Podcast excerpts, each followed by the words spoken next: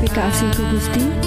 Sadek Dina waktu Ieu nuju ngadangguken radio Advent bewarapangharpan nyaeta siaran kasehatan sareng rohani Dina bahasa Sunda.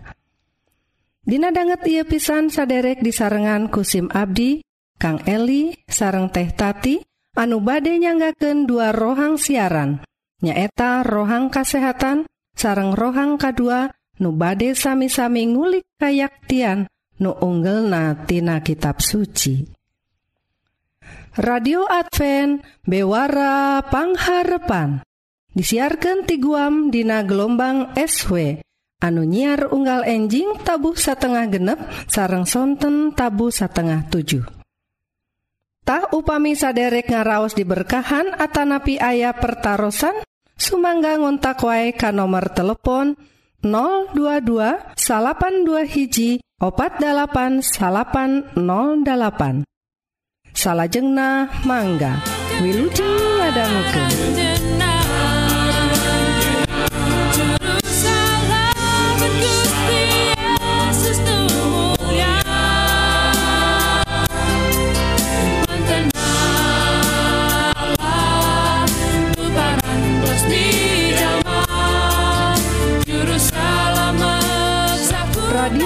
FM Bewara Pangharpan. Saderek Hayu Atu orang Pedar Rohang Nukahiji Nyaeta segala rupa soal kesehatan raga orang Wilujeng ngadangukeun.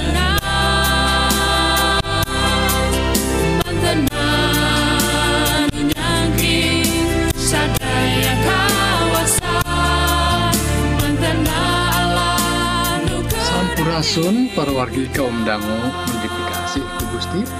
Rohang kesehatan dinten ieu orang sami-sami ngabahas soal ayat 7 tuangan kanggo ngalawan covid.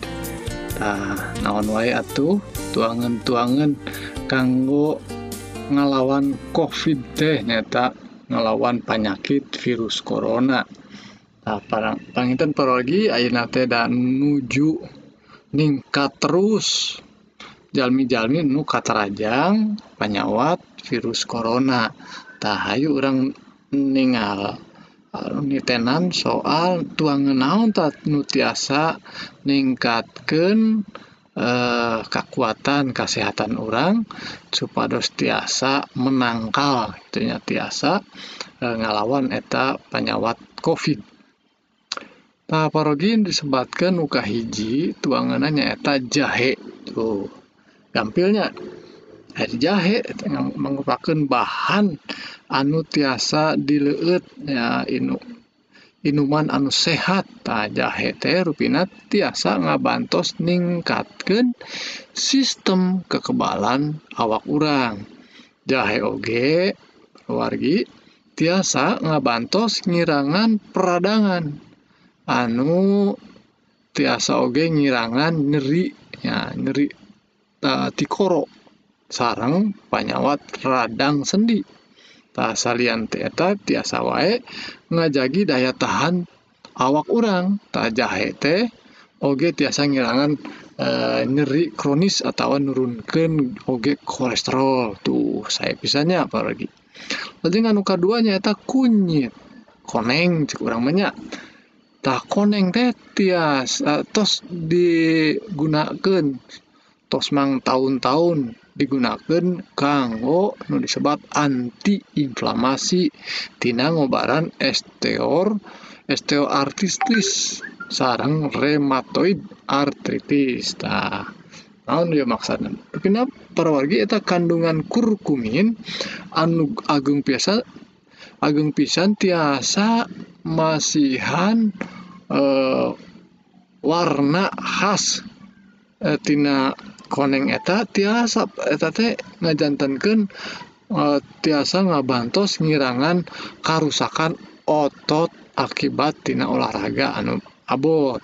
Nah, lamun koneng oge rupina tiasa gaduh kagunaan salaku antivirus anti jamur gitu ge antibakteri serta tiasa dijadikan prebiotik anu ngadorong tumbuhna bakteri anu sehat dina usus urang tuh. Saya pisan konengtenya para lagi lajeng anu katilunya itu lauk. Nah, lauk naon biasa nama itu lauk teh lauk di lautnya nah itu tiasa oge rupina jantan tuangan penangkal virus. Tak lauk teh eh, saya dikonsumsi ku barudak urang atau oge anu dewasa lantaran ngandung protein serta omega tilu. Nah tim lauk tehnya saya pisan teh. Kita oge nu ka opat parogi nyata no anu dikutip tina uh, webna MD atau medical dokternya. Protein anu tina teh gaduh eh, eh, zat anu penting pisan kanggo ngawangun awak urang ngomehan jaringan-jaringan awak urang. Tiasa oge ngabantos ngalawan infeksi virus atau bakteri. Tak tiasa oge ningkatkan sistem kekebalan awak urang seperti antibodi. Uh, sarang sel anu gumantung karena protein. Lajeng anu kalima alpukat parogi dah alpukat rupana rupina parogi tiasa uh, jantan tuangan penangkal virus corona. Terus oge tangtosna lamun lamun kurang di dituang unggal dinten oge teu sawios. Nah dilansir tina uh, majalah gitu atau koran Ciston PR Newswire itu ti luar negeri paroginya hiji studi eh, uh, panelitikan anu anyar diterbitkan ku Nutrien di Illinois Institute of Technology Amerika. Nah, dijelaskan rupina yen oh, jalmi anu rajin konsumsi alpukat seger tiasa ngabantos nyehatkan fungsi jantung sarang ngirangan resiko katarajangan setruk dugikan eh, serangan jantung oge tuh saya pisan. Alpukat teh rupina nggaduh eh, kandungan vitamin E?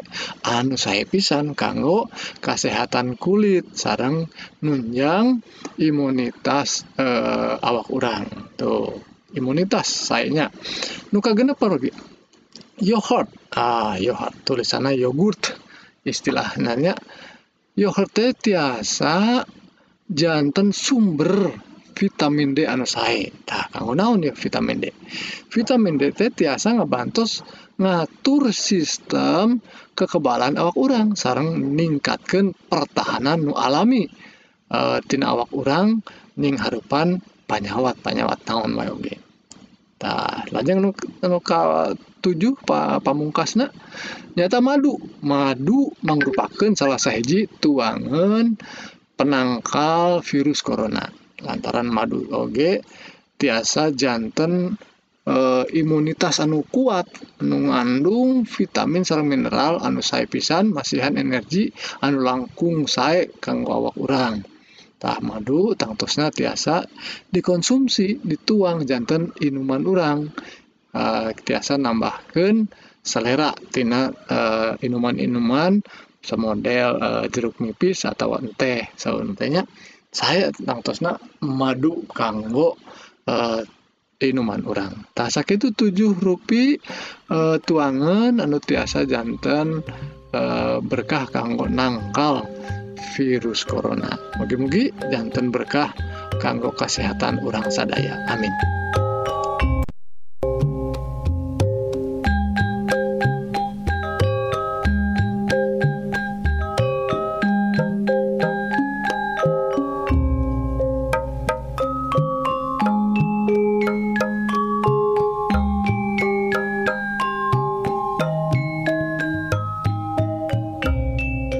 radio Advent bewarapangharpan para wargi nemben kurang parantos sami-sami ngadangguken bewara kasehatan.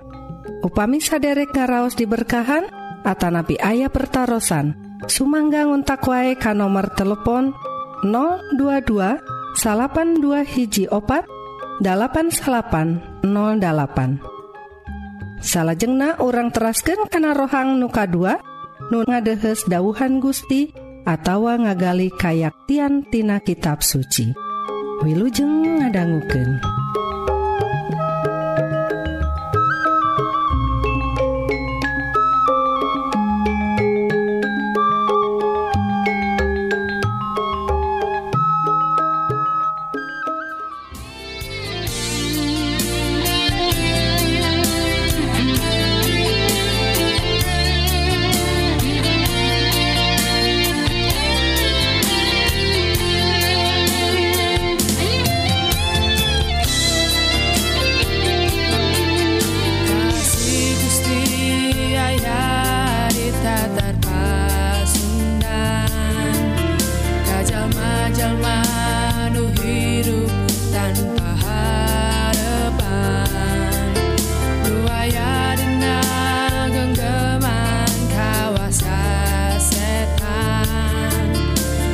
menuju ke alam kabin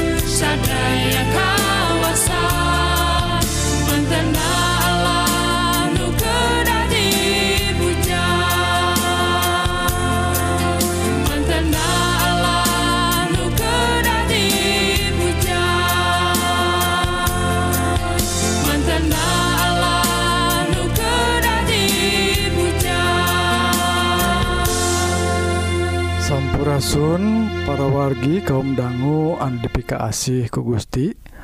Rohang rohani dinten I dipasihan judul dasa sila.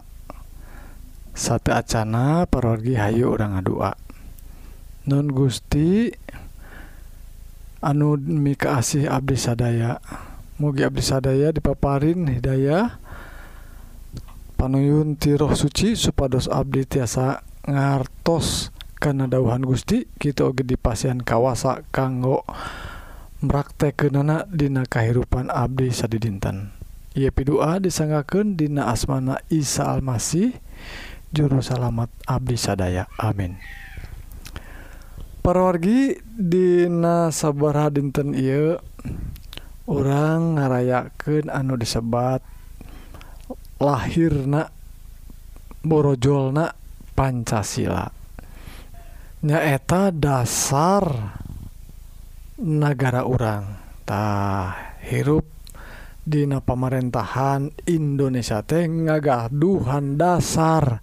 Dasar negara orang anu sebat Pancasila.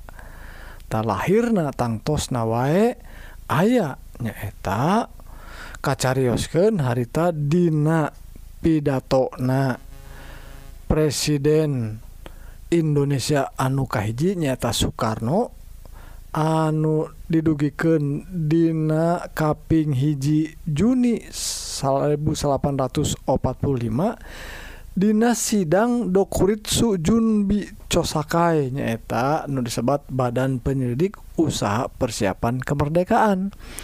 Tah parwargi Ruina eta kajjantenante langsung disambut ku para pamimpin.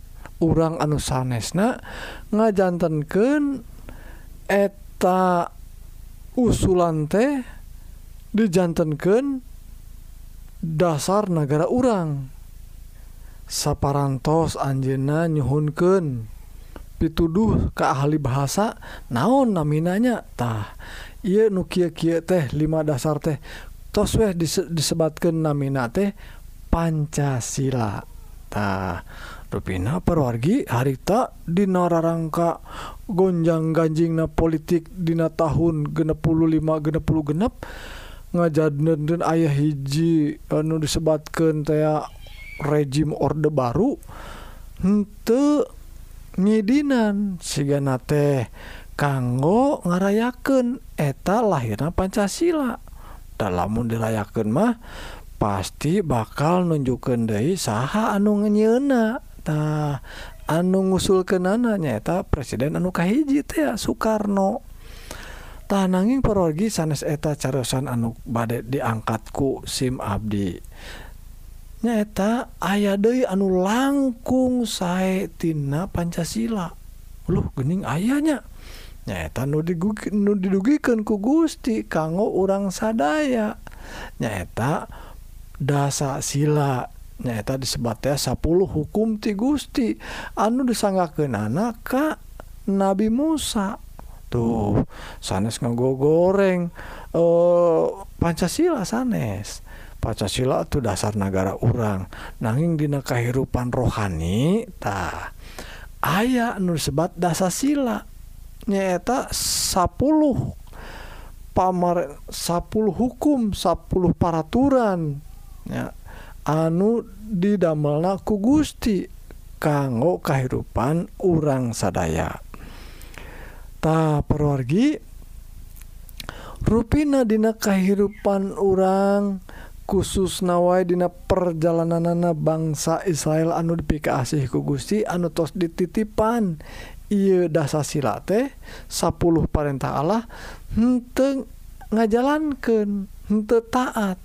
Kukituna mineng dina zaman dugikan zaman anu sanes nate eta 10 hukum teh tos diruga hala te di palirede dugiken dina kehidupan gereja-gereja oge anu nyambut atau anu percantan karena kitab suci anu nyebatkan dirina Kristen nanging perogi amun nyebatkan hukum 10 perintah Gusti teh siga nama kirang kirang apal maksudnya maksudnya kirang dipalire.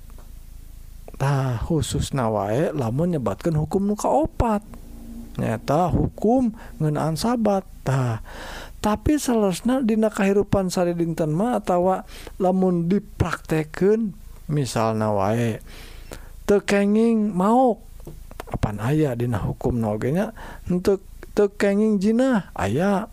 Nah ayeuna teh masih kene masih kene laku tah eta peraturan teh atau masih kene parorgi tekenging maihan masih kene laku eta teh masih.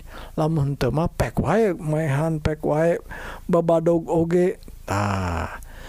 kukitu nah parwargi seharus nama orang teh ngangken. Nanging tengangken sadayana. Tuh janten orang-orang anu percanten karena kitab suci Hayu orang miaradei sadaya dauhan Gusti nyata sadaya hukum Gusti sadayana ditampi.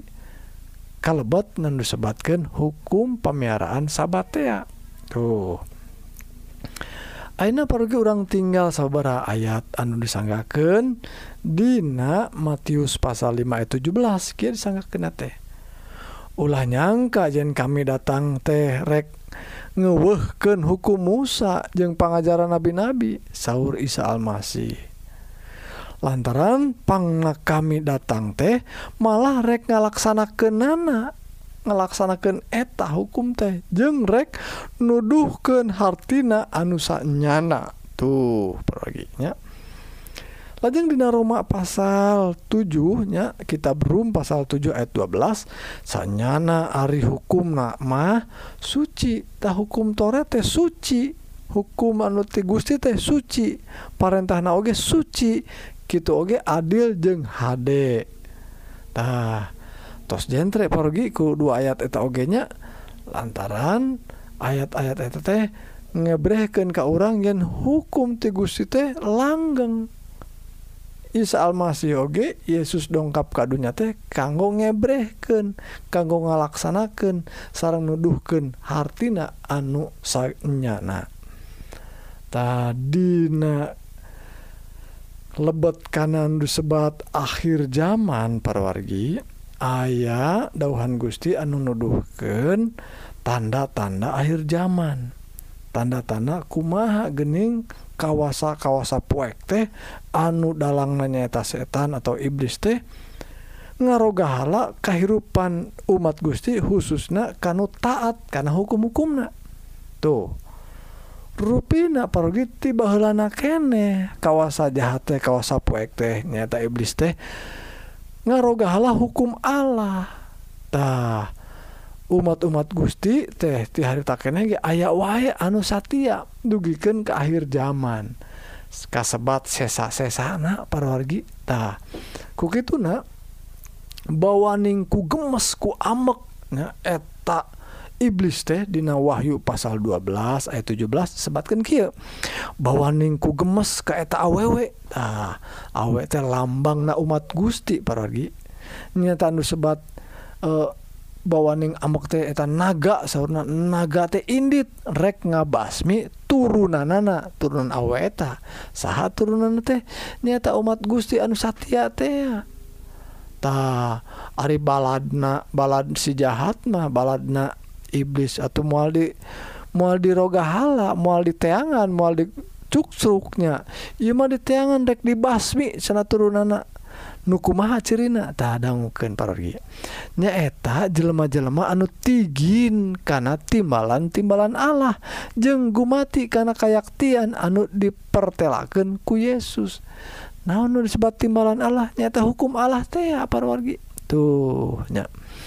Jantan umat Gusti di akhir zaman nu disebat turunan eta awwT nyaeta jalmi-jalmi anu tigin kan hukum Allah gitu oge anu mertelaken ka Yesus. Lajeng dina pasal 14 ayat 12 oge ditegeskeun deui dina dauhan Gusti anu didugikan kamal malaikat-malaikatna anu disebatkan tilu malaikat ya sarang jalmi-jalmi di dunia akhir nama sauurnate nyembah berhalatah masih kene aya umat Gusti anu nyingkir kedirina kanggo tumut atau taat ka Gusti. Nanging pergi harita memang sanyana pisan Gusti tos misahkan akhirnya mah da bade dihukum. Sadaya jalma anu kekeh te uh, eh, daek ngadangu karena dahuhan Gusti. disebatkan Ki parogi Dina ayat 12 pasal 14 Wahyu teh umat Allah anu narurut karena timbalan-timbalan Allah jeung Satya Ka Yesus ku ia perkara diingetan kudu tabah. Tuh jalmi-jalmi di akhir zaman nyata jalmi anu nurut karena timbalan Allah nyata hukum-hukum Allah. taparorgi jantan hukum Allah anu tos dilahirkan ku Allah. Seharusnya eta teh hukum atau karakternya sifat-sifatnya Allah nyalira. Lantaran anu nyieun hukum teh lahirna tina dirina tina tabiatna nyalira. Jantan piraku atuh tiasa robah-robah da diri Allah mah langgeng henteu robah. Kamari ayeuna jeung isuge anger kitu. tabiat Allah mah gitu oke? Okay? hukum-hukumna tah anu tos ngalahirkeuna atos ngababarkeun 10 sila dasa sila teh ayeuna orang umat Gusti disaur kanggo tumut kanggo taat kana hukum-hukumna sakitu pergi mugi-mugi orang tiasa ngartos kana dauhan Gusti iya gitu oge orang tiasa milampah kenana hayu orang ngadua. Nun Gusti Rama nuling jadi sawwarga Rebunuhun Puji syukur Ka Gusti ku lantaran berkah da Hidayah ti Gusti supados Abdi tiasa ngartos pisan karena dauhan Gusti gitu oge tiasa milampah kenana Nun Gusti berkahan sadaya kaum dangu nu tiasa ngadangguken siaran ia ku berkah-berkah anu ngaleyah Kitu oge Hidayah ti Gusti supados hirupna tepoek tapi ningal caang ti Gusti. ieu pidua disanggakeun dina asmana nami Isa Almasih juru salamet dunya. Amin.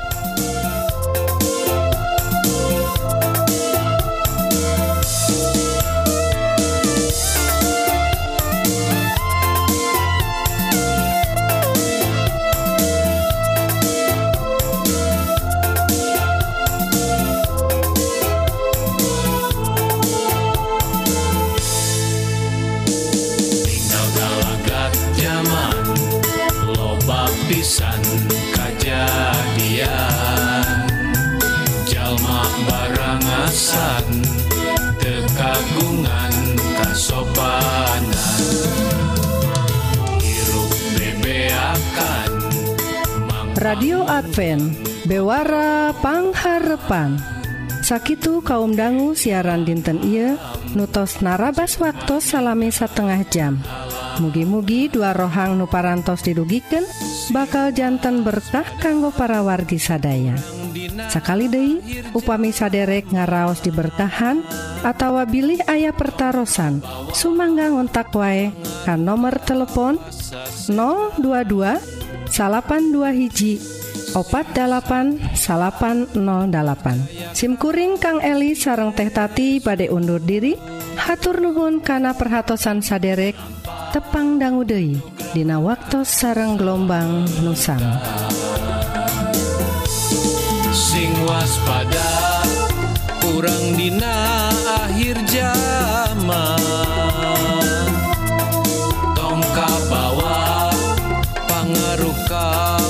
sasetan